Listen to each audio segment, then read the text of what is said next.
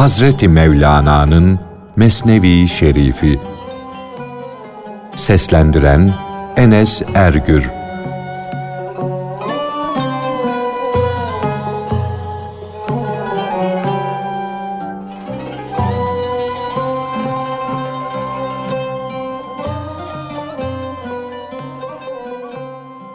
Sabır ve sükut ilahi rahmete sebep olur.''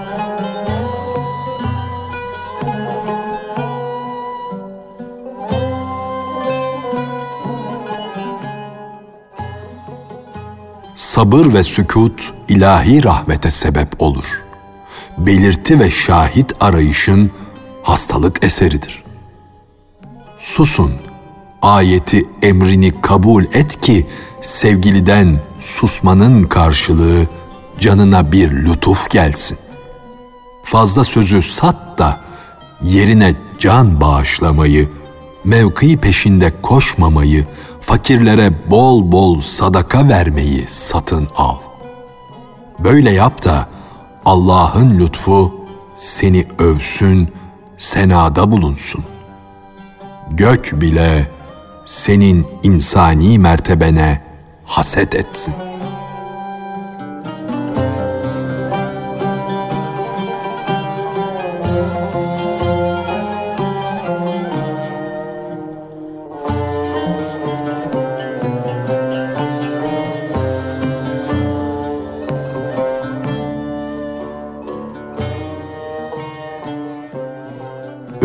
Verenleri dinlemek gerekir.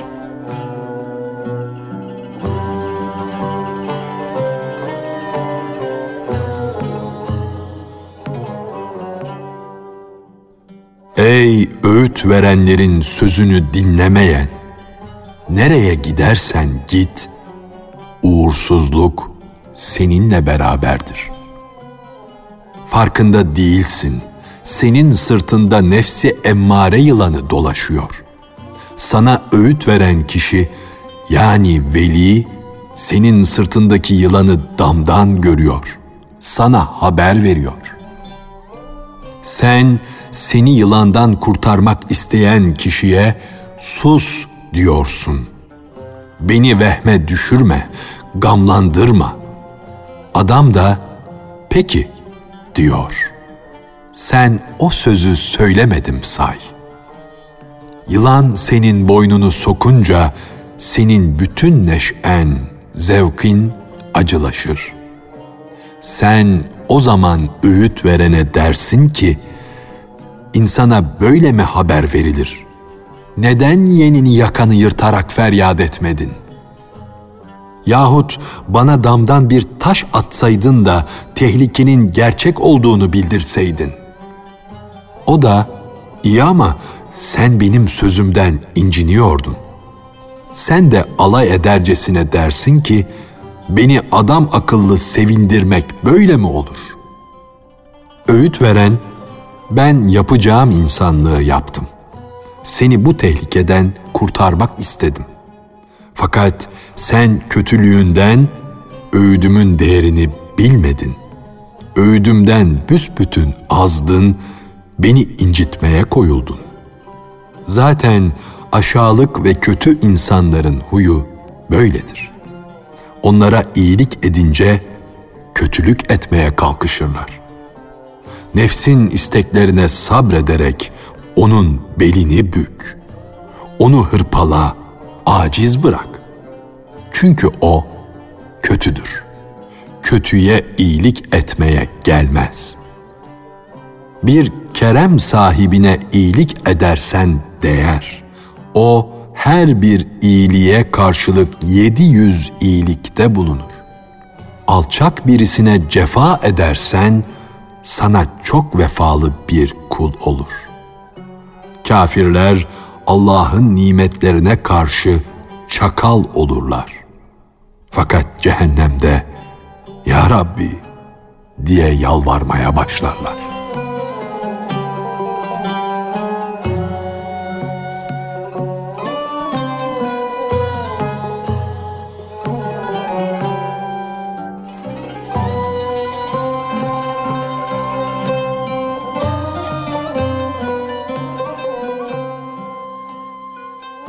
Ahiret aleminde cehennemin, dünya hayatında zindanın, yani zahmet ve meşakkatin yaratılmasının sebebi.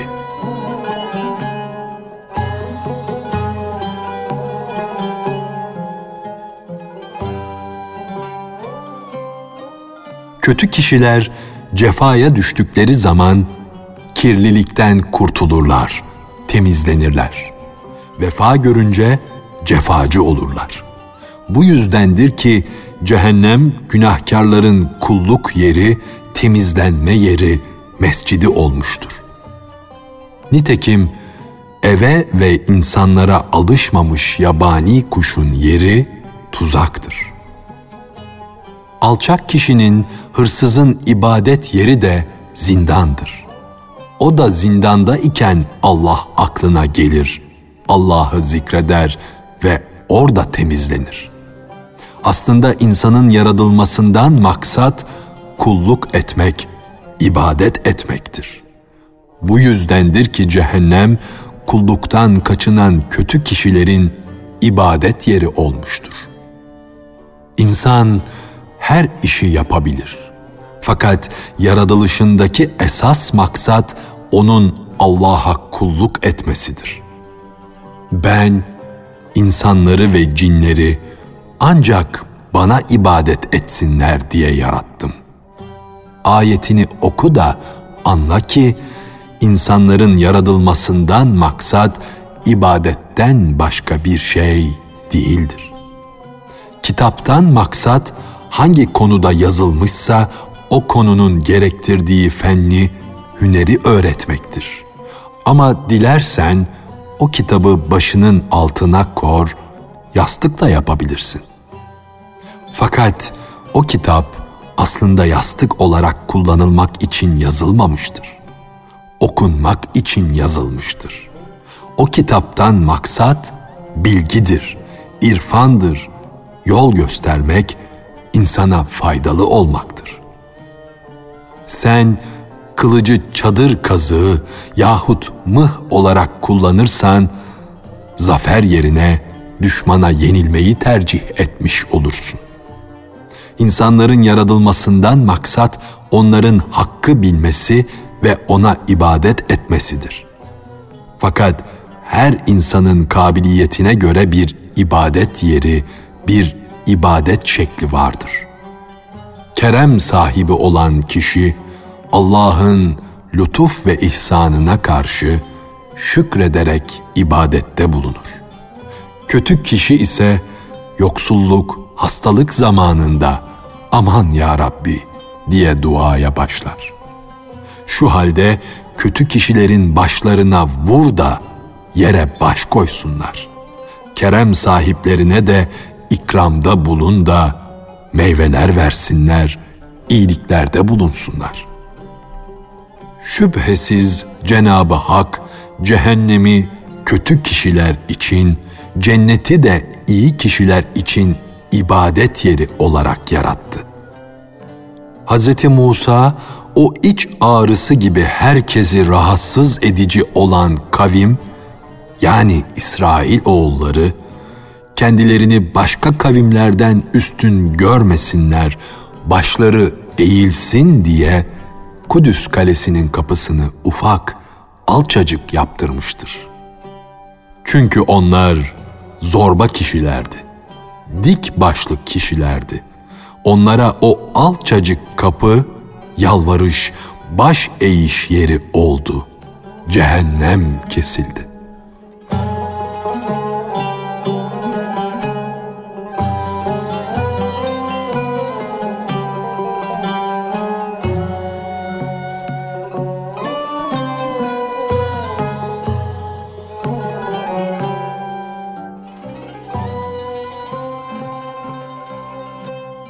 Cenabı Hak hükümdarları Allah'a boyun eğmeyen zorbaları yola getirmekle vazifelendirmiştir. Nasıl ki Hz. Musa Beni İsrail'in secde edercesine eğilerek girmeleri için Kudüs kalesinin duvarına küçük ve alçacık bir kapı açtırmıştı.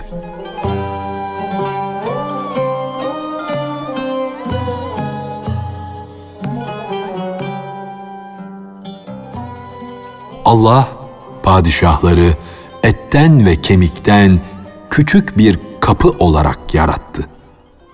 Dünyadaki insanlar Allah'a secde etmeye düşmandırlar da tutarlar padişahlara secde ederler.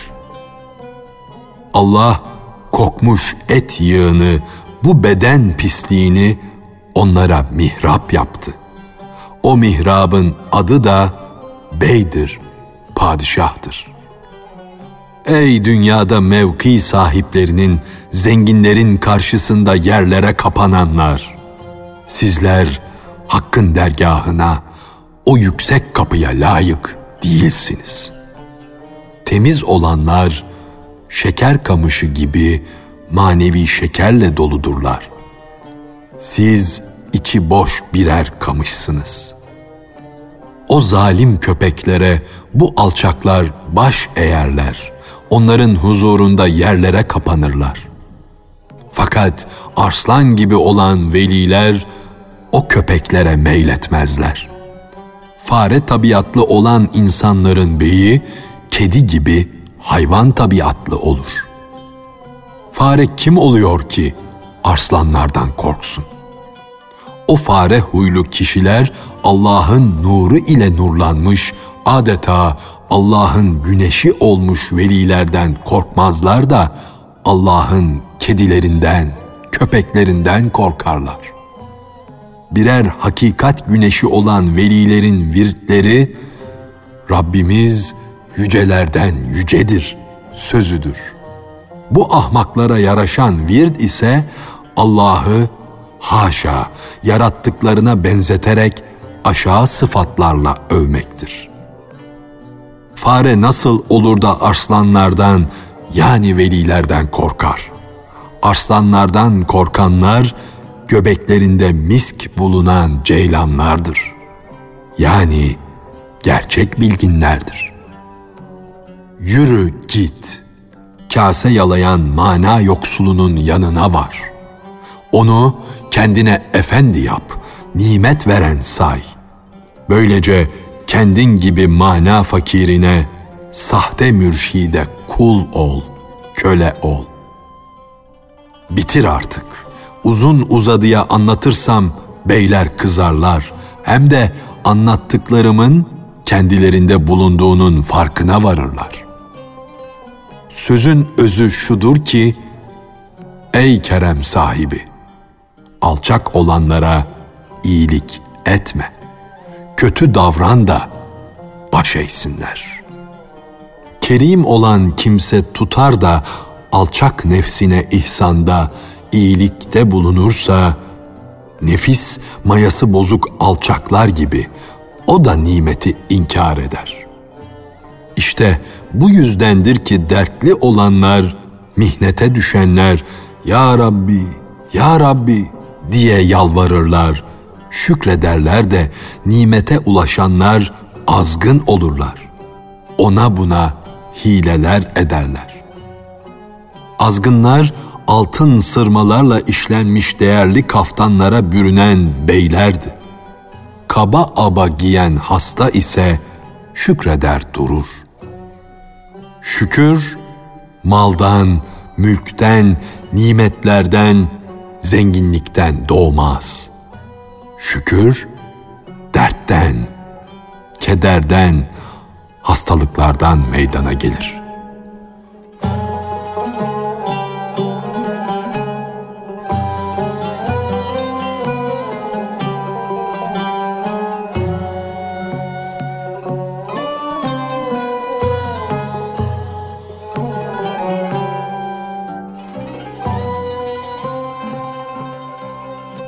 Sufi'nin boş bir sofraya duyduğu aşk.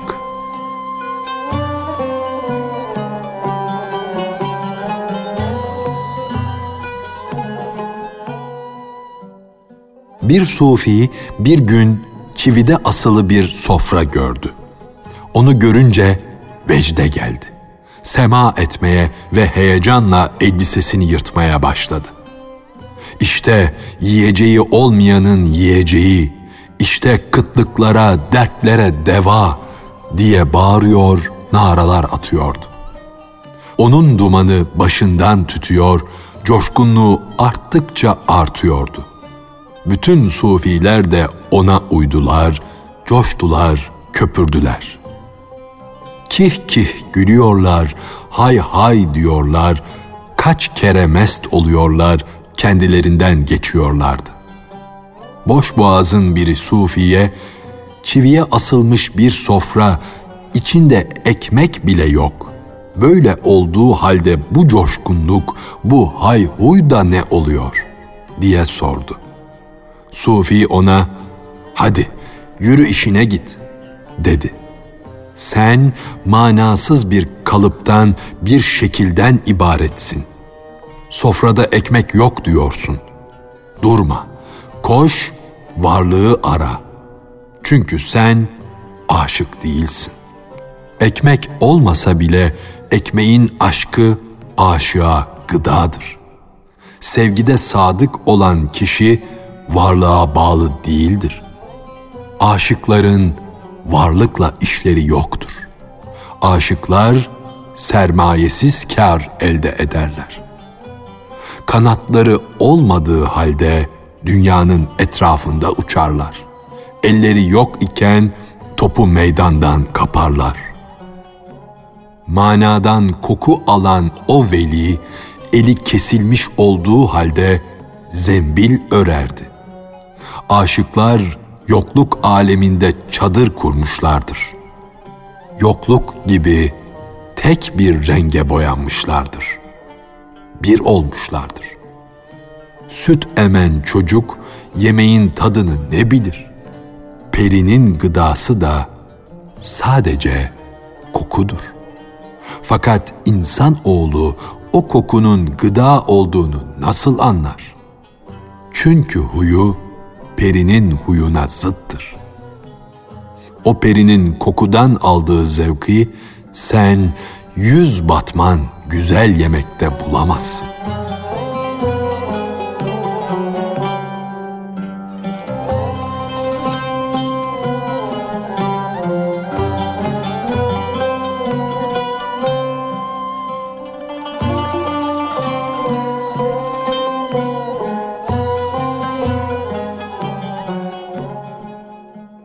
İlahi neşe, hak kokusunu Hz. Yusuf'un yüzünde ve kokusunda bulmak Yakup peygambere mahsustur. Yusuf'un kardeşleri de bundan mahrumdur, başkaları da.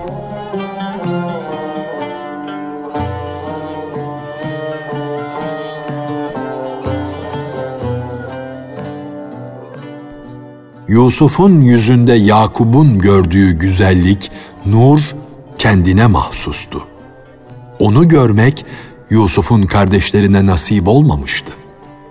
Bu yani Yakup Yusuf'un aşkından kendini kuyuya atar. O yani kardeşleri Yusuf'a olan kinlerinden ötürü onu kuyuya atarlar. Yusuf'un güzel yüzünün manevi sofrası kardeşlerinin önünde bomboştu, ekmeksizdi. Fakat aynı sofra Yakup'un önünde iştah veren çeşitli yemeklerle dolu idi. Yıkanmamış yüz yani manevi kirlerden temizlenmemiş kişi hurilerin yüzlerini yani ilahi güzellikleri göremez. Bu sebeptendir ki Peygamber Efendimiz namaz ancak temiz olarak yani abdestli olarak kılınabilir diye buyurdu. Canların gıdası aşk.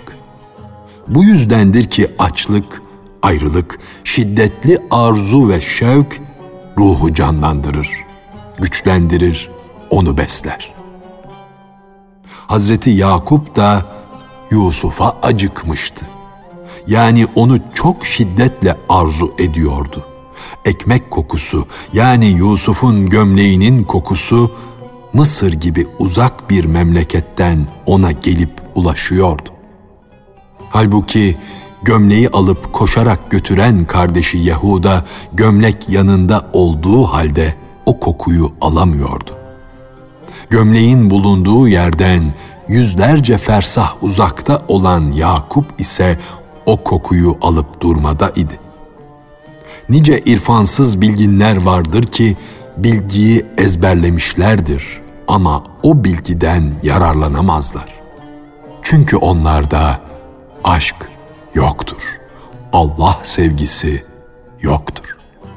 Halbuki onun sözlerini duyan bilgisiz kişilerden, avamdan bile olsa özü doğru ise o sözlerden hakikat kokusunu, gerçek bilgi kokusunu alır.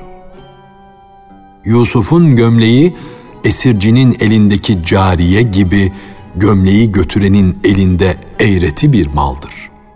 Cariye esircinin elindedir. Fakat ona yar olmaz. Çünkü o müşteriye satılacaktır. Rızık vermek Allah'ın işidir. Allah herkesi bir yola koymuştur. O adama o yoldan başka yol yoktur. İyi, güzel bir hayal ona bağ, bahçe olmuştur. Çirkin bir hayal de şunun bunun yolunu vurmuştur. O öyle bir Allah'tır ki bir hayalden cennet bağ ve bahçesini, bir hayalden de cehennemi yaratmış, orasını yanıp erime yeri halk etmiştir. Peki onun gül bahçelerinin yolunu kim bilir? Külhanları nerede? Kim tanır? Yani onun cennetinin ve cehenneminin yolunu kim bilir?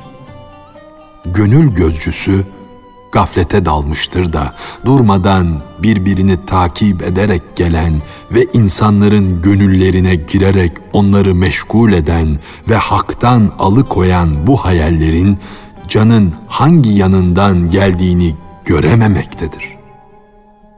Yani o hayaller canı cennete mi götürecektir, cehenneme mi?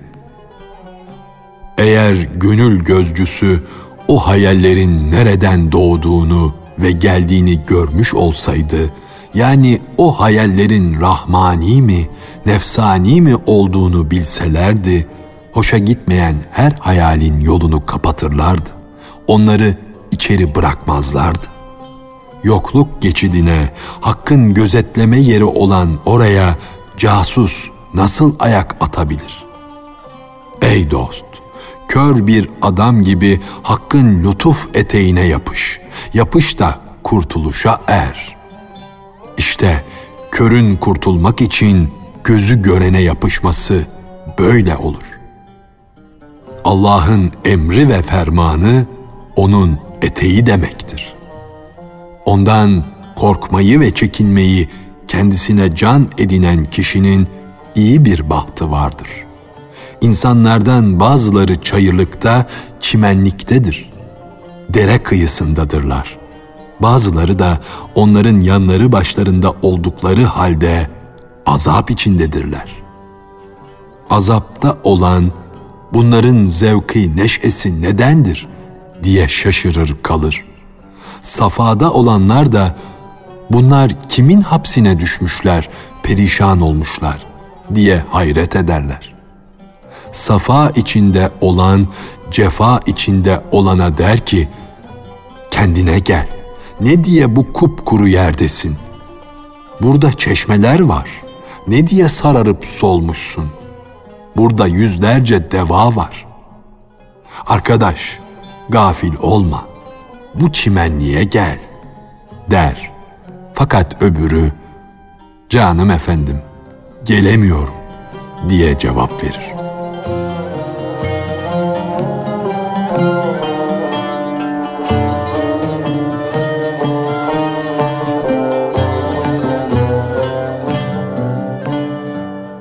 Hazreti Mevlana'nın Mesnevi Şerifi